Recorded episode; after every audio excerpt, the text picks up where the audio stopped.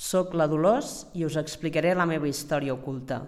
Els grans canvis sempre venen acompanyats d'una forta sacsejada. Hi ha moments de canvi i canvis que transformen vides, però són necessaris per tirar endavant i trobar-se un mateix.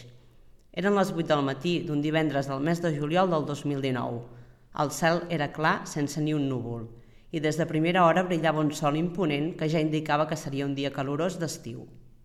L'habitació encara estava tancada i fosca com la negra nit. Ell havia decidit fer-se invisible a la vida. La seva millor arma era el silenci. S'ocultava com un estrus que soterra el cap per no veure el que passa al seu entorn. No tenia força, ganes ni energia per provocar el canvi que el podia fer sortir de la seva pròpia gàbia, aquella en què s'havia anat tancant ell mateix a poc a poc. El vaig mirar i és quan ho vaig veure clar. Així no podíem continuar. Era el moment de buscar alternatives per evitar mals més greus i només jo era capaç de crear aquest canvi. Era l'única persona que li podia oferir una solució àgil, encara que no fos la definitiva.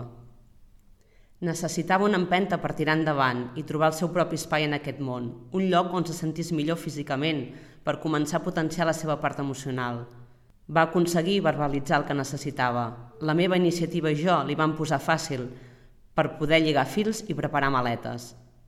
Els nostres camins es dividien per seguir fent passes endavant. Cada un de nosaltres vam entendre que no seria una ruta fàcil per a ningú, encara que era necessària, i la decisió ja estava presa.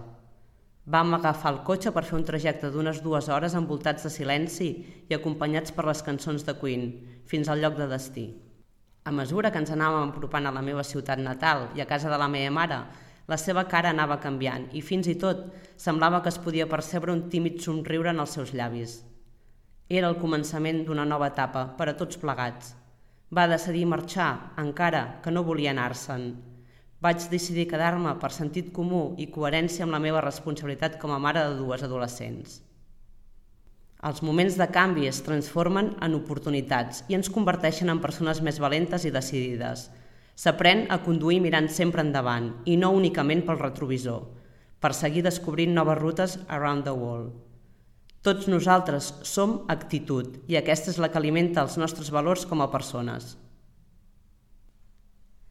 Em sento a casa quan genero complicitats i creo vincles amb les persones de l'entorn que em permeten seguir sent autèntica.